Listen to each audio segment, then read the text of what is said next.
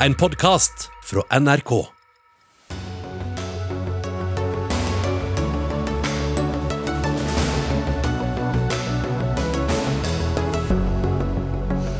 I dag kom Folkehelseinstituttet med innspill om mulig ny vaksinestrategi. Vi trenger flere vaksiner nå, sier Kristiansand-ordfører, som mener det haster. Vold mot barn økte kraftig under pandemien. Smittevernfaglige argumenter har trumfa befolkningens psykiske helseproblemer, mener professor. 6500 gjestearbeidere har dødd i Qatar siden landet fikk fotball-VM. Dialog holder ikke, her må det boikottes, sier fotballskribent, som møter Fotballforbundet til debatt. Og kritikere frykter forsvarsteknologi kan havne på russiske hender etter oppkjøpet av norsk fabrikk. Ja, du hører eller ser på Dagsnytt 18, der du også skal få høre mer om bekymringsmeldinga fra 245 norske psykologer. Vi klarer ikke å gi god nok helsehjelp til de som trenger det mest, og en av dem møter helseministeren til debatt. Jeg heter Gry Veiby. De som hadde håpa på at det kom ny vaksinestrategi på regjeringas eh, koronapressekonferanse i dag, må smøre seg med tålmodighet. For over hele landet tar flere ordførere til orde for at kommuner med høyt smittetrykk bør få en større del av vaksinedosene. I dag fikk regjeringa et notat fra Folkehelseinstituttet med råd om valg av mulig ny vaksinestrategi. Og Camilla Stoltenberg, eh, direktør i Folkehelseinstituttet, hvilke råd har dere gitt regjeringa? Det er vi ikke klare til å gå ut med. og For det første så har ikke regjeringen fått det notatet ennå. De får det i løpet av, innen dette døgnet er omme. Mm. Men dere har altså sett på da eh, muligheten for en geografisk skjevfordeling av vaksinen. Eh, hva kan være fordelen med det? Fordelene med det er jo selvsagt at de som får mer, eh, kommer lenger i vaksinasjonen. Og det er jo noe vi alle trenger i hele landet. Eh, ulempen er at de som får mindre, kan få en økt risiko for, for flere som blir syke, og også flere dødsfall. Mm, så det er ingen klar konklusjon på det notatet dere kommer til å levere nå? Det vil jeg ikke gå inn på akkurat nå. Mm.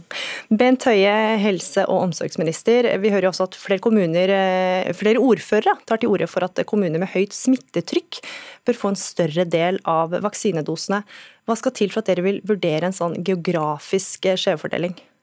Ja, det er jo flere ting eh, som er viktig i den sammenheng. Det første er jo rett og slett om det samla sett øker sannsynligheten for at vi beskytter flere. Og så er jo det sånn at eh, da må vi òg tenke på risikoen hvis vi gjør det. Jeg synes Kristiansand er et veldig godt eksempel i en sånn sammenheng. For hvis vi hadde gjort dette fra jul av, så ville jo Kristiansand vært en av de kommunene som fikk minst vaksine fordi de da hadde veldig lav smitte, og den hadde gått til Oslo.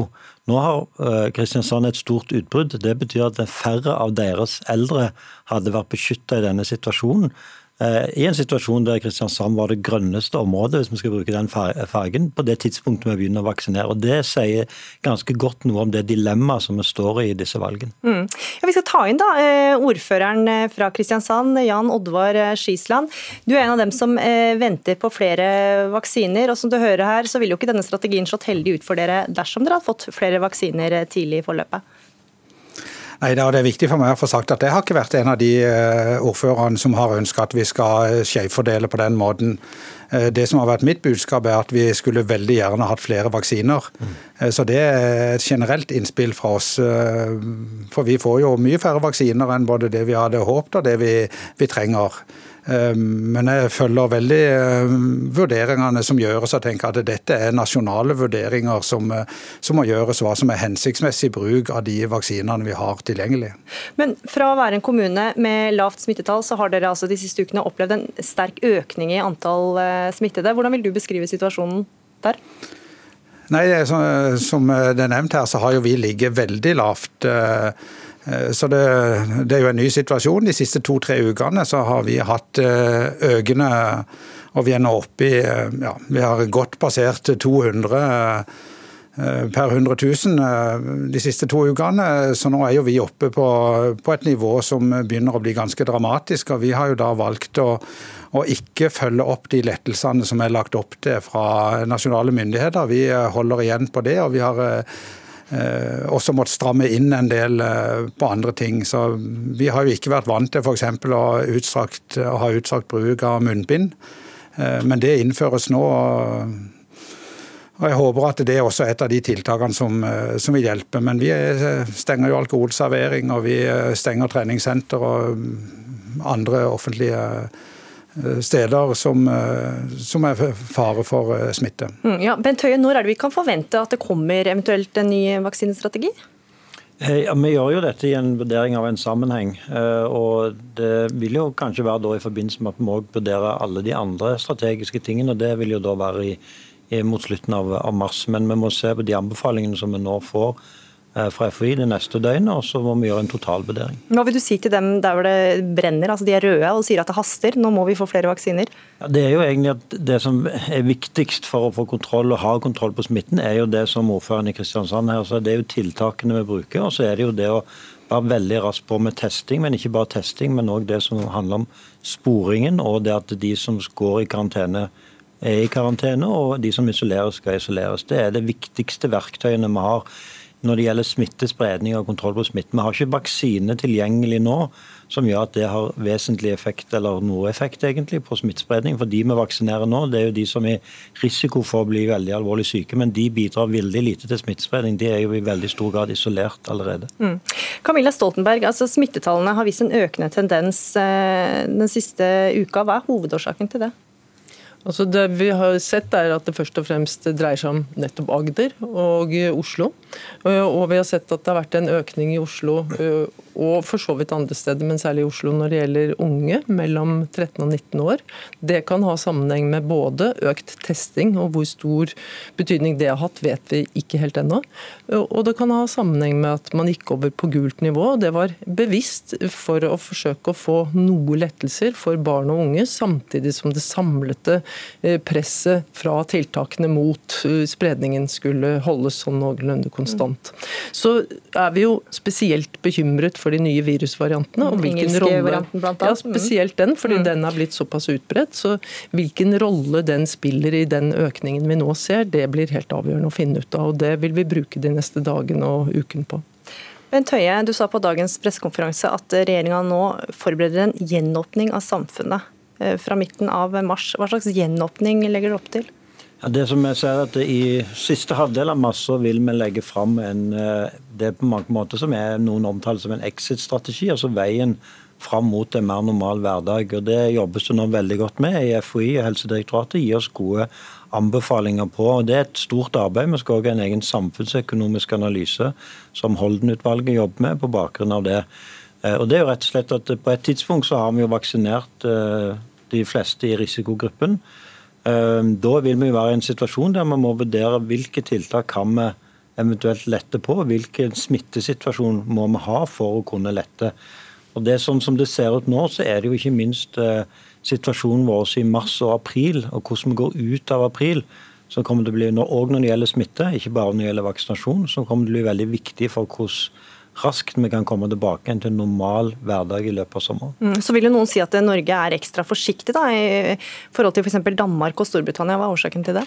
Det er jo egentlig eh, sånn at Norge har jo mye mildere tiltak enn Danmark. Hvis en nå ser de tiltakene som regjeringen i Danmark i dag har lagt fram, at de letter på nå og fram til 1.4 så er jo det alle tiltak som er, er letta på for egentlig ikke vi har hatt i Norge, og letta på allerede i Norge.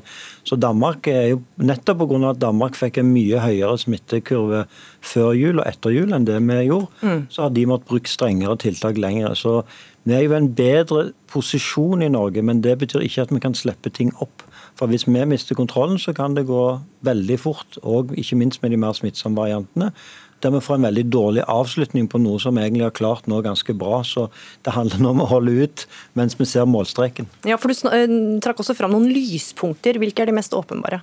Ja, Det mest åpenbare er jo rett og slett at vaksineringen nå øker veldig òg i Norge og som ellers i Europa, som er veldig bra. Vi beskytter i større grad de som er veldig utsatt for risiko. Men det går fortsatt sakte med vaksineringa? Ja, saktere enn det vi skulle ønske, men allikevel veldig raskt egentlig, og det øker veldig på. og Det betyr at det nå i dag kommer jo f.eks. med nye råd til mange hjemmeboende eldre som nå begynner å bli fullvaksinert.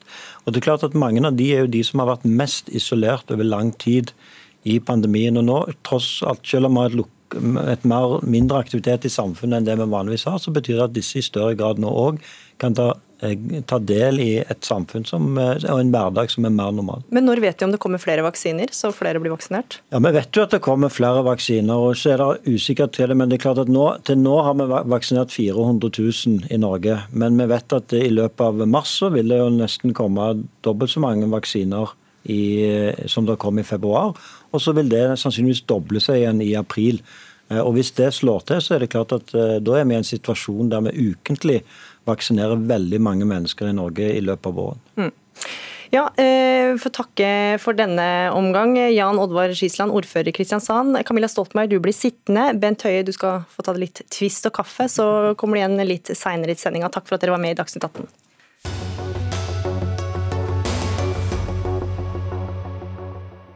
Nå skal det handle om vold mot barn, som har økt kraftig under pandemien. Tall fra Kripos viser en økning på nesten 40 i alvorlig vold mot barn, og de aller fleste sakene gjelder barn under to år. Denne voldsøkninga kunne vært unngått dersom tilbudene for barn og unge ikke ble stengt ned, sier barnepsykolog Willy Tore Mørk, som er en av mange som ropte varsko da Norge stengte. Han møtte snart eh, barne- og familieminister Kjell Ingolf Ropstad til debatt. Men først eh, Mari Trommald, du er direktør i Barne-, ungdoms- og familiedirektoratet. Også dere varsla tidlig om konsekvensene ved å stenge ned tilbudene for barn og unge. Hvordan vil du beskrive situasjonen for denne gruppa nå? Ja, dette er jo en kompleks situasjon, fordi vi så jo helt fra i fjor at eh, selve det å stenge ned store deler av samfunnet påfører jo foreldre et veldig stort stress ved at de kanskje må jobbe på hjemmekontor, kanskje være permittert. Eh, og være hjemme med barn og følge opp barnehagebarn og skolebarn over en lang tid. Samtidig som skoler og barnehager da var nedstengt, og mange av hjelpetjenestene veldig mye mindre tilgjengelig enn det de pleier å gjøre. Samlet sett så blir det da mye vanskeligere å oppdage om det utføres da vold eller overgrep eller omsorgssvikt mot barn og unge. For vi må være klar over at de viktigste som melderne da til barnevern og politi, det er jo faktisk skole, barnehage og hjelpetjenestene. Sånn at når disse ikke er så tilgjengelige, så har det ført til at det er vanskeligere å oppdage om barn blir utsatt for vold. Mm. Hva slags historier eh, forteller de du er i kontakt med om den situasjonen? Ja, vi følger jo denne situasjonen veldig tett. Jeg leder en eh, gruppe som regjeringen har oppnevnt, som eh, ser på statistikk politikken ute i tjenestene, og vi bruker statsforvalterne veldig aktivt til å undersøke hvordan kommunene bruker sine tjenester, og hvordan spesialisthelsetjenesten agerer, osv. Og det vi ser når vi samler da både statistikk, forskning og tilbakemelding fra brukerorganisasjonene, er jo at det er veldig mange fortvilte barn ute som eh, rapporterer om at de ikke får den vante kontakten med de Enten det er eh, skole, eller det er på idrettsarenaen eller andre steder. Og det resulterer jo også at i de chattjenestene vi har, og de alarmtelefonene og hjelpelinjene vi har, så hører vi da om barn som ikke får den hjelpen de gjerne skulle hatt. Mm. Men samtidig så sier sier regjeringa har vært veldig tydelig overfor kommunene at viktige tjenester for barn og unge bør være åpne. Hva, hvilken forklaring har du på at ikke det nødvendigvis har skjedd? Det var jo et veldig alvorlig beskjed vi får på pressekonferanser og andre steder hvor, eh, hvor, det er et smittepress ute, og hvor mange av tjenestene eh, opplever en forventning om å være på hjemmekontor og gjennomføre veldig strenge smitteverntiltak. Så vi så nok i fjor at det ble iverksatt for strenge smitteverntiltak. Eh, en del var på hjemmekontor som burde hatt klinisk oppfølging av pasientene sine. Det er klart at det var viktig å ta ordentlig tak i. og Det gjorde jo regjeringen veldig tydelig ved å, å, å vise i eh, styringssamtaler og annet at eh, alle tjenester skulle være åpne til barn og unge så langt som overhodet mulig. Mm. Hvilket ansvar det, har dere da i Bufdir? Dere har jo det overordnede ansvaret for det statlige barne- og familievernet i at denne beskjeden gikk ut, og at de viktige tjenestene ble holdt åpne?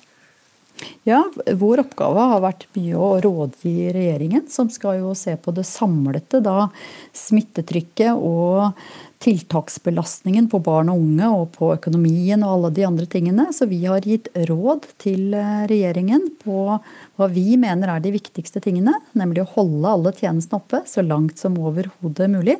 Og I tillegg så har vi fulgt opp statsforvalterne ute, sånn at de følger opp de enkelte tjenestene. Hvis de får høre om en barnevernstjeneste hvor det er mye hjemmekontor og hvor det ikke følges opp direkte, så har de fått en klar beskjed om å følge opp de tjenestene. Så her har vi gjort flere ting, både ved å gi råd til regjeringen, men også følge opp statsforvalterne for at kommunene og andre skal trygges i den viktige rollen de har.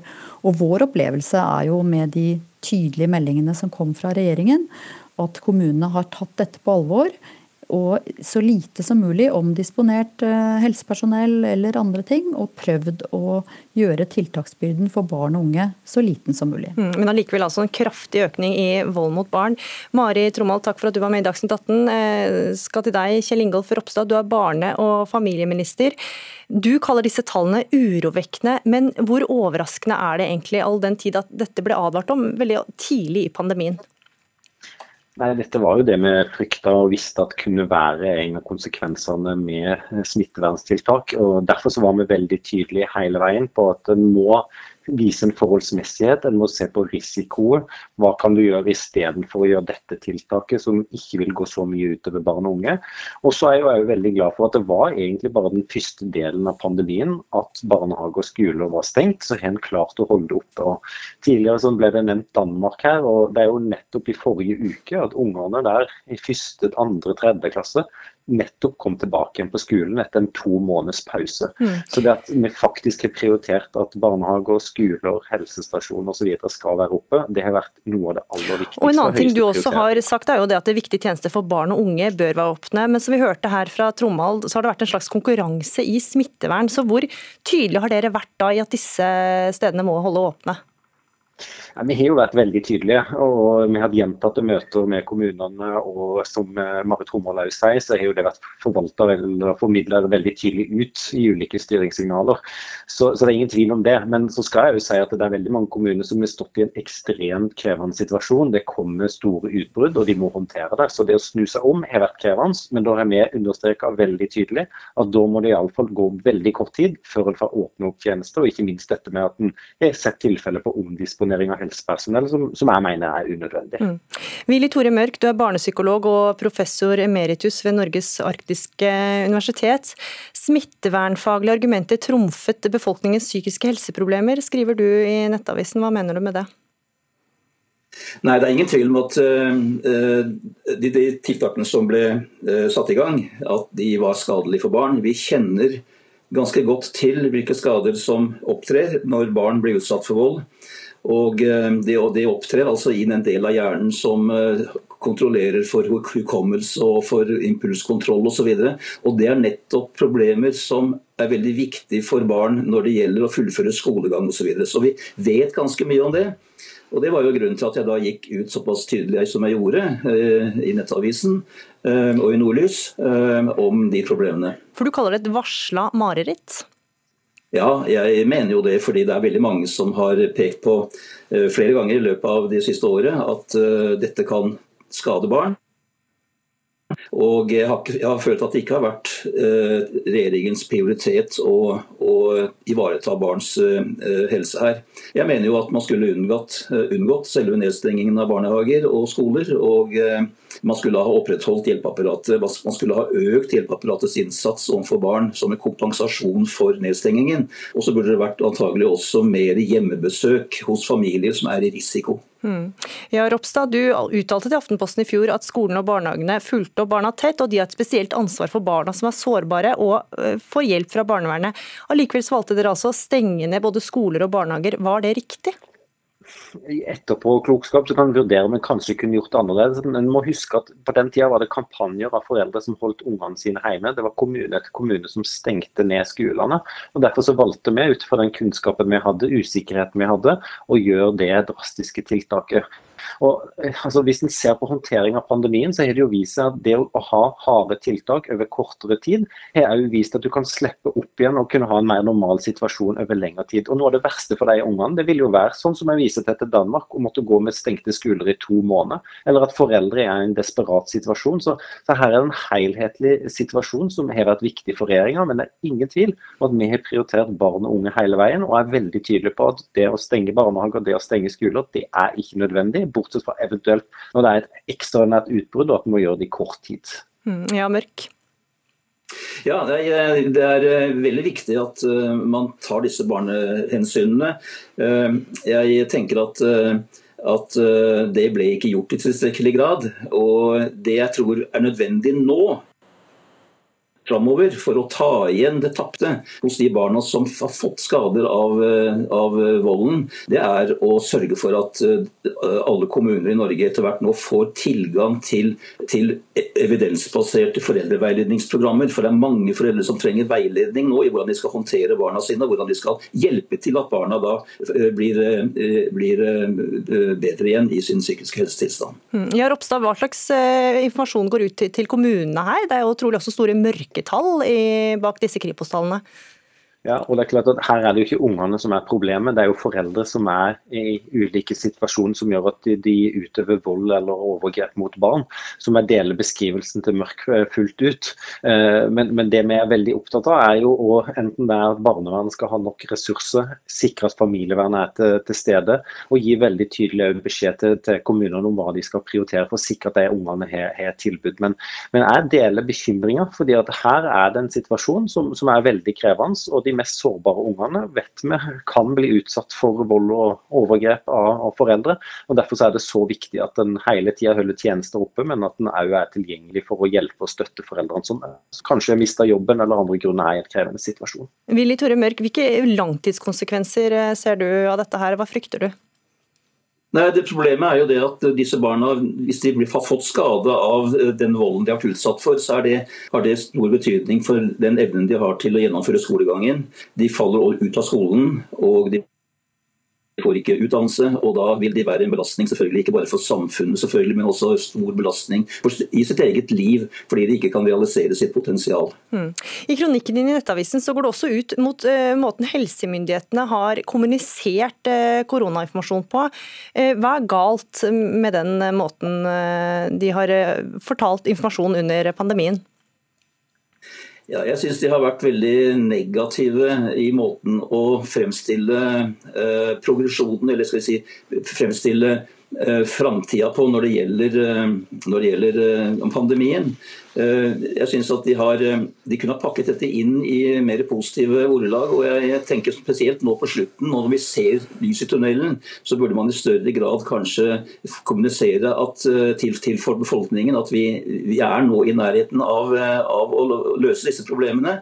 Og Jeg så i dag høy, helseminister Høie gjorde nettopp det.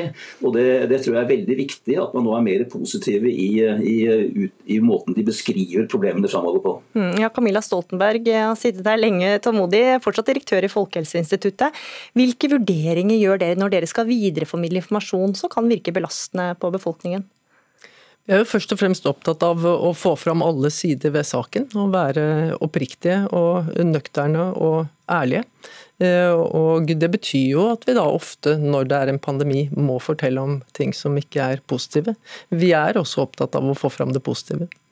Ja, Mørk, altså Det er jo bedre å være nøktern og kanskje heller være kanskje litt negativ enn å gi falske forhåpninger, da? Ja, da, jeg synes Det er viktig at eh, sannheten kommer fram og at eh, alle sider kommer fram. Men det vi vet blant annet fra det når man skal gi beskjeder til andre mennesker, uansett om det er barn eller voksne, det er det at den beskjeden eller den informasjonen som blir gitt til slutt, den huskes. Mm. Den informasjonen som ble gitt først, den, den huskes ikke. Så hvis det er slik at man starter opp med å si at vel, nå ser vi snart lys i tunnelen, men det er lenge igjen osv., så, så så er det det man husker. Det er det siste. Og da kanskje man skulle lære seg til å, å fremstille da prognosene framover på en slik måte at, at, det, de, at det siste informasjonen man gir, er de positive. Mm.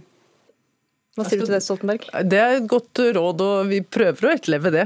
Men uh, vi kommer nok ikke til å slutte å fortelle om de tingene som bekymrer oss, for det er til dels vår jobb i Folkehelseinstituttet. Og så er det mange andre heldigvis som også driver kommunikasjon rundt dette, som uh, har som jobb å få fram de positive tingene, så det er til dels en arbeidsdeling også. Men vi er opptatt av at pandemien tar slutt, og det kommer til å gå bra. Men akkurat nå må vi også følge med. Noen gledens ord på tampen der. Mm. Om en pandemi det ikke er siste gang vi har hørt eh, om. Takk for at du var med i Dagsnytt 18, Camilla Stoltenberg, direktør i Folkehelseinstituttet. Takk til deg, Kjell Ingolf Ropstad, barne- og familieminister. Og takk til deg, Willy Tore Mørk, barnepsykolog og professor emeritus ved Norges arktiske universitet.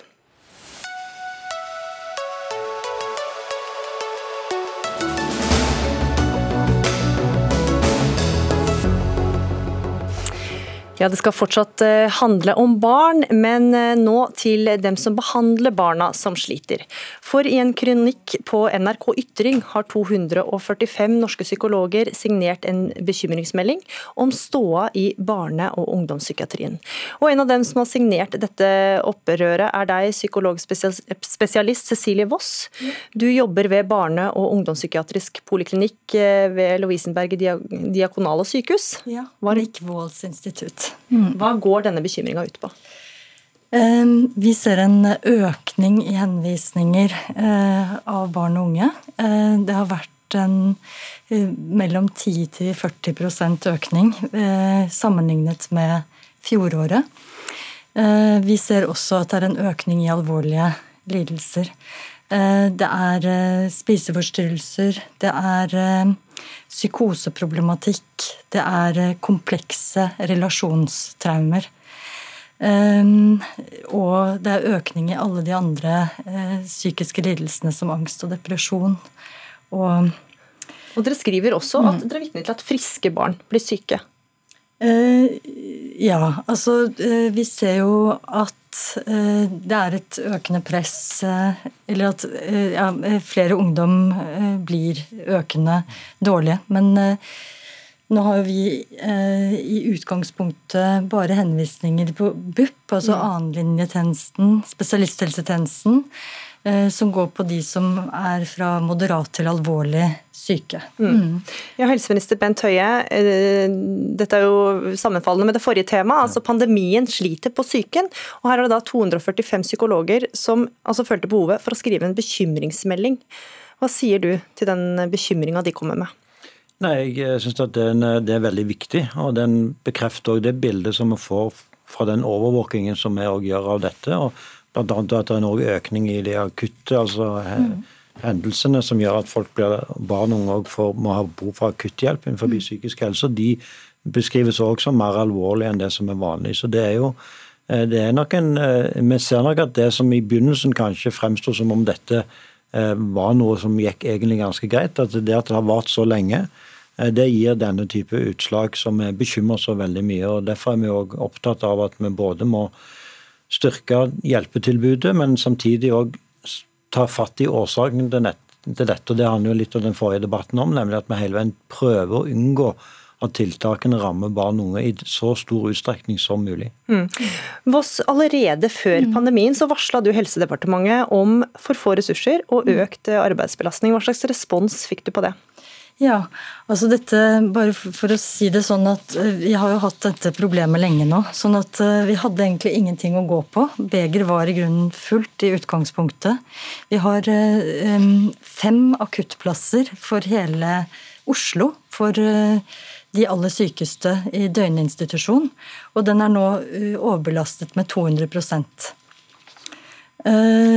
jeg sendte et brev en gang jeg var litt uh, desillusjonert. Uh, satt til langt på kveld og skrev. For vi bruker jo hele vår arbeidstid til å mm, nærmest ekspedere pasienter. Så vi blir ofte sittende til langt utover ettermiddagen og kvelden og jobbe med rapporter og med dokumentasjon. Ehm, så jeg skrev at, om det, eh, og, og, fikk, og, ba om flere folk. For jeg ikke, skjønte ikke hvorfor ikke vi har flere folk. For vi har fullstappede timebøker, og vi avlyser eh, vanlige avtaler for å ta imot akutte tilfeller. Det gjorde vi også i 2019, 2018, 2017. Mm. Så 1. mars, eller i begynnelsen av januar skrev jeg et brev, og så fikk jeg svar 5. mars 2019. Det var før koronaen. Og da fikk jeg som svar at nå satser vi på kommunale helsetjenester. Um, og ikke på BUP, ikke på spesialisthelsetjenesten. Vi fikk beskjed om å legge til rette for at behandlere kan bruke sin tid på en effektiv måte. Uh, og at det kan handle om organisering og ledelse av tjenesten og bruk av ny kunnskap og nye arbeidsformer herunder webbaserte terapiformer. Og, og hva, hva, sier det deg, tenker du, om eh, hva departementet vet om ståa på bakken? Ja, altså, For å være helt ærlig, jeg har nesten ikke noe annet ord på det enn at vi opplevde at vi ble bare spyttet i trynet. Mm. Det ble et veldig altså, sånn rart svar for oss å få. For det, vi satt der til Og det hadde allerede Vi var på strekk. Og så får vi høre at vi skal bruke, ta i bruk webbaserte terapiformer for barn og unge. Mm. Det har vi jo tatt i bruk nå, men det har jo ikke hjulpet, for å si det sånn. Mm. Ja, Høie? Jeg vil jo si at Det også har hjulpet. Eh, og Det er mange gode erfaringer med webbasert terapi terapi for barn og unge. så Det håper jeg at en fortsetter med òg når pandemien er over. Men, men, men virkelighetsbeskrivelser, altså Dette er en bekymring som kom allerede før pandemien. Ja. Hvor godt rusta vil du si at hjelpetilbudet var da? Eh, nei, Vi hadde, mente jo at det var behov for å styrke barne- og ungdomspsykiatrien før pandemien. Det er en av årsakene til at dette har vært en prioritet fra min side. Men det er helt riktig at vi òg har hatt en veldig stor oppmerksomhet de siste årene på å styrke det ute i kommunen. Fordi vi opplever jo at det er for mange barn og unge som må vente for lenge før de får god hjelp, og dermed har behov for deres spesialisthjelp. Og mm. de kunne egentlig ha blitt hjulpet mye bedre på et tidligere tidspunkt. Og Derfor har vår hovedsatsing vært å bygge opp en eh, psykologtjeneste i kommunene. Bygge opp styrke skolehelse- og helsestasjonstjenesten for tidlig innsats. Men vi har òg vært opptatt av å styrke barne- og ungdomspsykiatrien. Og vi ser jo at på tross av økt, tillit, altså økt henvisning nå gjennom pandemien, så har også heldigvis ventetiden for barn og unge også gått ned mm. i 2020. Og det er en formidabel innsats som er lagt ned. Eh, men jeg er helt overbevist om at når vi kom, også når vi kommer ut av pandemien, så er det fortsatt behov for å styrke barne- og ungdomspsykiatrien. Jeg har satt i gang et stort arbeid i direktoratet før pandemien som også skal si noe om hva er det faktiske behovet vi har for spesialiserte døgnplasser innenfor psykisk helse. For det er noe som vi egentlig vet for lite om, og derfor har vi behov for grundigere vurderinger knytta til det. Mm. Ja, eh, jeg er enig med deg og vil premiere dere for at det er fint at, at det har vært satset på kommunale helsetjenester, og syns jo at tankegangen er veldig fin. Eh, det er viktig med forebygging, det er viktig å komme til tidlig. Men når det er sagt, så er jo de som jobber i kommunene, opplever ikke at det har blitt noen flere psykologer der i særlig grad. Eh, og vi opplever jo heller ikke at vi har så mange å spille på foreløpig, men vi skjønner at det er en, noe som det satses på.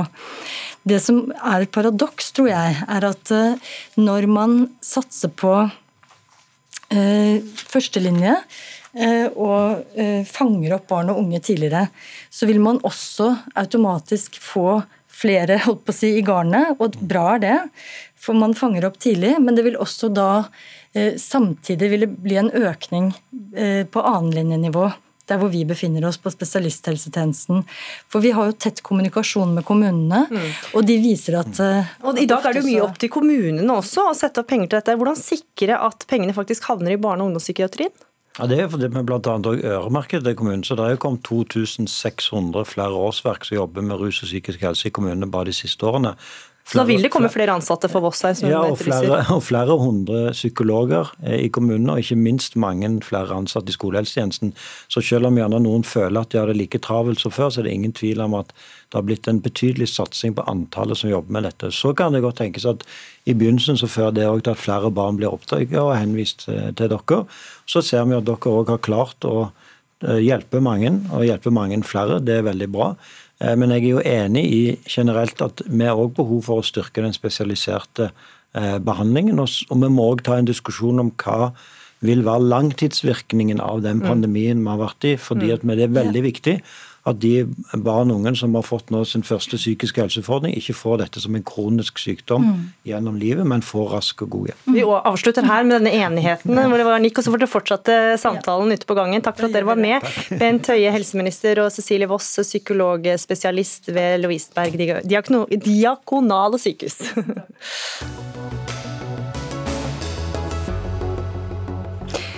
6500 gjestearbeidere har dødd i Qatar siden landet fikk fotball-VM. Dette er moderne slaveri, sier fotballskribent og redaktør Josimar, som ber Norge boikotte. Men nå Norsk forsvarsteknologi kan havne på russiske hender, ja det frykter flere partier på Stortinget. Grunnen er at et russisk selskap planlegger å kjøpe skipsmotorselskapet Bergen Engines. Selskapet har det norske sjøforsvaret som en av sine viktigste og største kunder, det skriver Bergens, Bergens Tidende og E24. Og dette bekymrer deg så mye, Jette Christensen. Du er fra Arbeiderpartiet og sitter i Stortings, eh, Stortingets utenriks- og forsvarskomité. At du sendte et skriftlig spørsmål til forsvarsministeren. Hva er det du frykter med dette oppkjøpet? Det som er problematisk, er at både NSM og PST og Norges sikkerhetsmyndighet mm. Takk. Eh, og sikkerhetsvurderingen sier at eh, oppkjøp og investeringer fra fremmede makter kan utgjøre en risiko for Norge. Mm. Eh, og det er jo klart at Bergen Engines de er flinke. Eh, de, eh, de reparerer motorer og lager motorer som er er i fartøy som er viktig for Norges sikkerhet. Da er det også viktig at den informasjonen eh, ikke kommer på avveie. Jeg er usikker på om det er en plan for dette. Eh, eh, og den usikkerheten ble ikke beroliget når Næringsdepartementet uttalte seg til Bergens Tidende. Da sier altså de at dette er en kontrakt som er inngått mellom to private aktører og er ingenting som departementet skal eller bør blande seg inn i. Mm. Det mener jeg at de bør. Derfor er dette en sak for Forsvarsdepartementet, mener du? Absolutt. Mm. Forsvarsministeren må jo ha en plan for, eh, for, hvordan han skal sikre vår sikkerhet, og at den eh, ikke kommer på avveie. Og hvis han ikke har en plan for det, så bør han lage det nå. Ja, Vi får høre da med forsvarsministeren eh, Frank eh, Bakke-Jensen. Dette er jo et spørsmål som også Senterpartiet og Frp har stilt spørsmål om. Hva svarer du? Eh, jeg svarer at det er, det er veldig gode spørsmål de stiller. Eh, I bunnen for den planen som etterlyses, så ligger sikkerhetsloven, som, som regulerer det som i de åpne trusselvurderingene eh, pekes, pekes, på. Sånn at, ja, hva vil det si? Ja, det vil, det vil si at eh, selskap som, av, som, har teknologi som er av kritisk betydning for Norge, har spesielle klausuler på seg, der vi også skal gå inn og se på, se på, på eier, eierskap. Eh, nå er Bergen Engineering et selskap som har levert betydelig materiell til, eh, til Forsvaret. Men eh, det er nok også sånn at den typen, de, de, det er et selskap som har levert 7000 motorer. 5000 av de motorene er ennå i drift. De driver eh, på dem. sånn at Forsvaret er nok en forsvinnende liten eh, kunde hos dem. Vi gjør de vurderingene som skal gjøres nå i forhold til om, eh, om det er en sikkerhetsrisiko. Husk at vi i, i det her bildet det, det, det, og, og det her eh, eksemplifiseres eh, veldig godt i de åtte trusselvurderingene. Vi ser at man, man benytter seg av, eh, av eier, eierskap og, og, oppkjøp av selskaper for å, for å posisjonere seg. Mm, mm. Det er en ny del av eh, den sikkerhetssituasjonen vi er i. Men samtidig så, så er vi jo veldig for åpen handel. Det er to utenlandske, et utenlandsk selskap men, men, men, forstår jeg, men forstår jeg deg rett, Frank Bakke-Jensen, at det ikke er noen grunn til bekymring? Nei, når jeg sier at vi er i gang med å se på om det mm. er grunn til bekymring, så gjør vi jo de vurderingene vi skal med sikkerhetsloven i bunnen. Eh, og, og, så skal vi se hva som, hva som er eh, problemet. Er det her et selskap som er en hovedleverandør, eller er det en underleverandør? Har det en status som gjør at det kommer inn under sikkerhetsloven sine, sine, sine regler? Og så får vi gjøre de, de uh, vurderingene. Mm. Ja, Jette Christensen, du etterlyste en plan. Nå hører du planen. Hva syns du om den? Jeg hører ikke at den er der, jeg hører at de skal tenke på dette, eh, og det er bra. Men det som fremdeles bekymrer meg, eh, Frank Bakke-Jensen, er at Nærings- og handelsdepartementet har sagt at dette her er en avtale mellom to private aktører som departementet ikke skal blande seg opp i. Mener du som forsvarsminister at eh, Forsvarsministeriet bør blande seg opp i det? Det er det ene jeg trenger å få svar på. Eh, og det andre er at er dette her linka til sikkerhetsloven? Eh, fordi Hvis det er linka til sikkerhetsloven, så har vi et problem. Fordi at dette selskapet her er ikke sikkert at det sorterer inn under det, men realiteten må vi jo se på. Dette er i realiteten et selskap som reparerer og lager motorer som de leverer til Forsvaret. Det selskapet er nå i ferd med å bli kjøpt opp av Russlands største jernbaneselskap. Syns du det høres lurt ut, Frank Bakke-Jensen, hvis du tenker på eh, sikkerhetsvurderingene som er kommet i det siste? Du skal få svare på det, Frank Bakke-Jensen. Tusen takk. I, I lys av det Næringsdepartementet har sagt, så er, det, så er det litt viktig å ha med seg at vi er, vi er selv utenlandske investorer rundt omkring i verden for noe over 11 000 milliarder kroner. Men, men nå var spørsmålet om dette er noe ditt departement bør ta stilling til? Ja, og så kommer jeg til, eh, til spørsmålene fra, fra Jette. Ja, det er en ting som, eh, som Forsvarsdepartementet skal, og, og, underliggende etater skal bry seg om. Og Det er den jobben vi er i gang med nå. Sånn at Hvis Jette ikke hørte det, så beklager jeg at jeg var utydelig. Vi er altså i gang med den jobben nå. Mm. Når det spørsmålet om eh, det her er et selskap som kommer inn under sikkerhetsloven, ja, så er det en del av de vurderingene. Men vær klar over at det å komme inn under uh, sikkerhetsloven, det har òg en, en, uh, en, del andre bestemtninger med seg. Det er ikke sånn at sikkerhetsloven eh, gjelder bare for at man syns det, eventuelt bare for at eierne kommer fra et eh, land vi ikke har sikkerhetssamarbeid med. Mm. Ja, Jette Christensen, Hva hvis det hadde vært et svensk eller dansk selskap som hadde kjøpt en sånn eh, fabrikk eller bedrift? Um, uavhengig av sikkerhetsloven, og uavhengig av om det er et land vi syns er snilt eller slemt, eh, og om det er et naboland eller ikke, så må vi ta inn over oss at det er interesser som ønsker å kjøpe selskap for å få informasjon eh, og for å få kontroll eh, over eh, informasjon som vi trenger å ha for oss sjøl for å beskytte oss.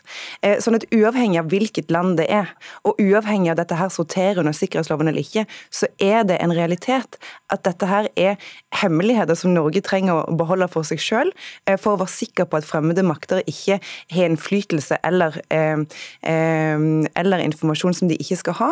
Fordi dette her er noe som vi trenger å beholde for oss sjøl. Jeg syns det er bekymringsfullt fremdeles at Nærings- og handelsdepartementet avfeier dette her, sånn som de gjør i avisen. Nå hører jeg at Frank Bakke-Jensen eh, sier at eh, de skal se på det. Det er kjempebra. Mm. Men det viser at dette her er på en måte nybrottsarbeid. Da må vi eh, stoppe opp eh, og, være, og, innrømme når det er huller i, i, praksisen, eh, og virkelig ta det, dette her inn, inn over oss. For dette her er ett selskap og én avtale. Det kommer til å komme mange sånne.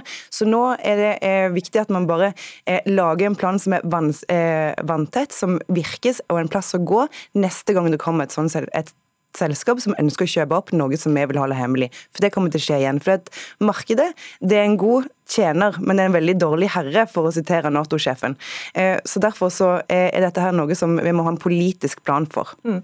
Frank Bakke-Jensen, ifølge Ståle Udriksen, forsker på forsvars- og sikkerhetspolitikk ved Sjøkrigsskolen i Bergen, så kan teknologien bak motorene i dette selskapet her være interessant for den russiske marinen. Er du bekymra? Men, men det her er det som ligger i de vurderingene vi skal, skal gjøre. Jeg så Ståle Ulriksen frøs på ryggen, så klimaet i Bergen vet jeg ikke noe om. Men, men, men når, når Jette har vært med å vedta den nye sikkerhetsloven i Stortinget, som, som ble iverksatt 1.1.2018, så tar jo den nettopp opp i seg den problemstillinga hun sjøl beskriver nå. Vi er altså i, i et ny sikkerhetssituasjon, vi, derfor trengte vi en ny lov.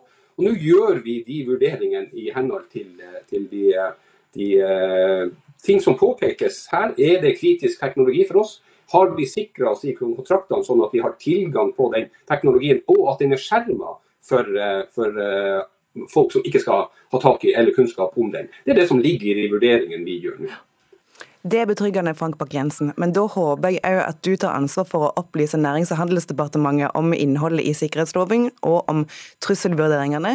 Fordi når de uttaler seg sånn som de gjør, nemlig at eh, dette her er avtaler som bare kan skaltes og valtes i vei med, så eh, vekker det bekymring, og det virker ikke som det er en politisk plan. Nå sier du at dere jobber med saken. Det er bra, og jeg gleder meg til å lese hva dere kommer fram til. Da blir det jo nybrottsarbeid ja, der, Bakke-Jensen. Det, er også sånn at Næringsdepartementet har eh, en oppgave, det er i utgangspunktet også å forvalte handelsavtalene det gode klimaet i en frihandel.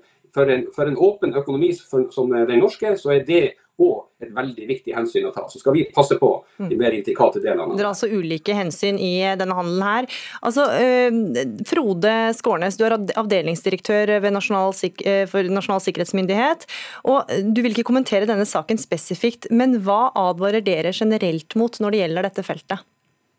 Nei, Kort sagt så, så, er det sånn at vi i, i Nasjonal sikkerhetsmyndighet vi er, vi er bekymra for at slike oppkjøp da, åpner for at andre stater får direkte tilgang til, til sikkerhetsgradert informasjon eller, eller, hemmelighetene våre. Da. Norges mm. hemmeligheter, om du vil. Mm.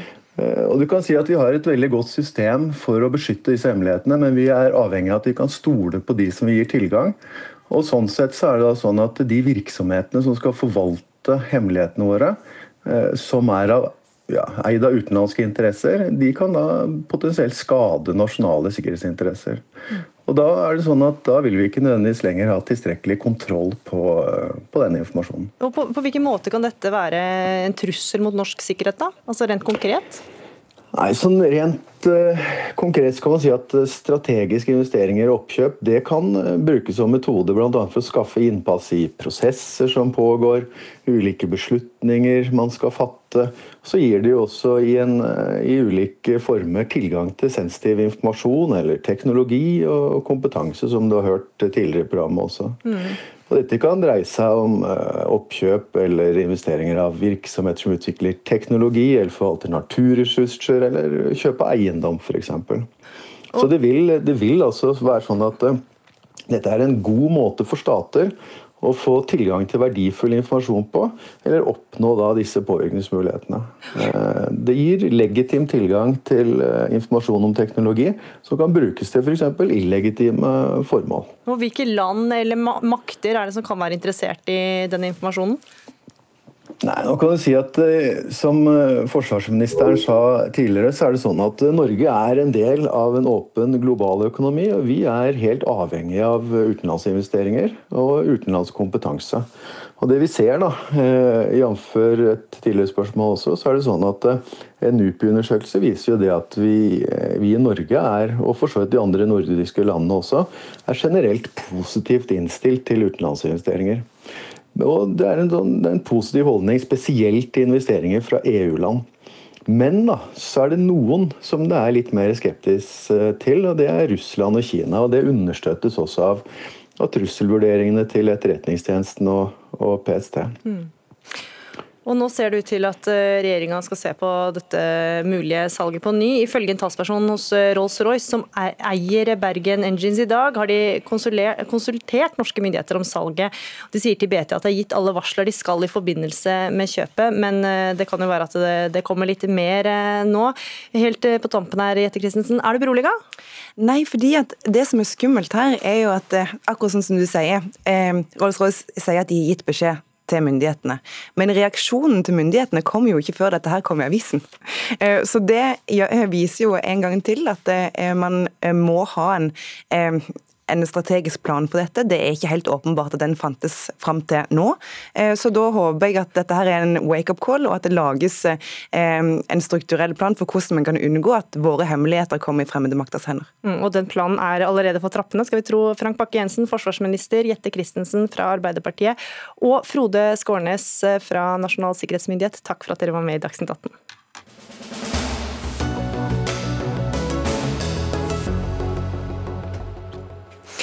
Minst 6500 gjestearbeidere har mista livet i Qatar siden landet ble tildelt fotball-VM for herrer tilbake i 2010. Det skriver den britiske avisa The Guardian, som anslår at i snitt dør tolv gjestearbeidere fra India, Pakistan, Nepal og Bangladesh hver uke. I forbindelse med VM, som skal holdes neste år, har det bl.a. blitt bygget flere fotballstadioner og en helt ny by hovedsakelig av fremmedarbeidere. Og Håvard Melnes, du er redaktør av fotballtidsskriftet Josimar. Du mener nå at VM bør boikottes. Hvorfor det? Ja, Det har vi ment lenge. Eh, for det første så var tildelingen av Qatar den ble tildelt av et korrupt eh, Fifa-styre. Altså 16 eh, av de 19 som satt i det Fifa-styret er nå utestengt fra fotball på livstid eller sitter i fengsel. Qatar altså, er, en, er en stat som praktiserer moderne slaveri. Arbeiderne har nesten ingen rettigheter. De er helt prisgitt arbeidsgiveren. De kan ikke skifte jobb, de kan ikke forlate landet. Og Altså, eh, VM skal jo være en fotballfest. Eh, og Vil det bli en fotballfest når vi vet at minst 6500 arbeidere har eh, omkommet i forbindelse med forberedelsene til VM? Mm. President i Norges Fotballforbund Terje Svendsen, en boikott er ikke aktuelt, sier dere. Hvorfor ikke det? Nei, vi, la meg først uh, fastslå at eh, NFF har aldri støtta Fifas beslutning om å legge VM til Qatar. Så la, la, da legger vi den ballen død om yes. akkurat det. Mm. Ja. Eh, nei, Vi har valgt eh, en annen tilnærming. Vi har sammen med de nordiske landene, LO, internasjonalt LO, og med en Amnesty International som rådgiver, så har vi valgt å jobbe og for å påvirke både Uefa og Fifa til å søke å forbedre forholdene for arbeiderne der. Vi har hatt to besøk nede i Qatar, hvor vi har møtt qatarianske myndigheter Eh, de som organiserer VM, vi har også møtt gjestearbeidere der eh, for, for å påvirke. Ja, hvordan, hvordan, eh, konkret har dere påvirka da? Nei, vi, vi, har gitt klart uttrykk for hva, hva, vi, hva, som er de nordiske verdiene. At det er helt uakseptable arbeidsforhold der. Det har vi gjort helt klart overfor eh, Fifa, og vi har også, også gjort det klart overfor eh, da katalanske myndigheter. Og, uh, altså, om, og Det jo, har jo skjedd noen, noen forbedringer. Amnesty avga jo en rapport uh, i, i, fjor høst hvor det, hvor, det, hvor det, er gjort noen forbedringer. Det er Kaffela-loven som bl.a. melder seg inn på, er jo avskaffa. Men vi skal også si at når vi møtte arbeiderne, så, så, så fikk vi også tilbakemeldinger på at de har ikke sett at de forbedringene som da er, er gjort lovmessig, uh, har trådt i kraft eller har fått effekt helt ut eh, mot arbeiderne. Mm, ja, men Betyr ikke det at det da hjelper det jo, har det ikke hjulpet så mye å si fra, da, eller? Ja, det, altså, jeg tror at, at Hvis at Norge alene skulle bare ha boikotta, så har det vært nesten som å snu ryggen til arrangementet. Mm. Vi har valgt en linje hvor det også i hvert fall si fra, stå opp, stå opp også overfor kataranske myndigheter, uh, har vært linja. Og så om, om, det har hjulpet eller ikke, det, det, det får andre vurdere, men det er den linja vi har valgt. Ja, Melnes. Ja, nå har jo eh, Qatar vært utsatt for massiv internasjonal press siden tildelingen fant sted i 2010. Eh, 2010 og eh, forandringen for fremmedarbeiderne, altså situasjonen er den samme. Eh, Kafala-systemet er avviklet i teorien, men ikke i praksis. Eh, og Nå kommer det også fram at eh, i går at at Det er et råd i Qatar som heter Shura, som gir råd til regjeringen. og De har nå rådet den qatarske regjeringen om å Eh, om å fjerne de reformene som er foreslått. Eh, så mens eh, man smykker seg med at man prøver å påvirke osv., Eh, så har jo ikke det hjulpet i det hele tatt. Og Fifa-presidenten selv, Gianni Infantino, har jo sagt at eh, VM i Qatar kommer til å bli det beste noensinne. It will be beautiful. Eh, og det er en så kynisk og menneskefiendtlig tankegang at man blir jo nærmest sjokkert.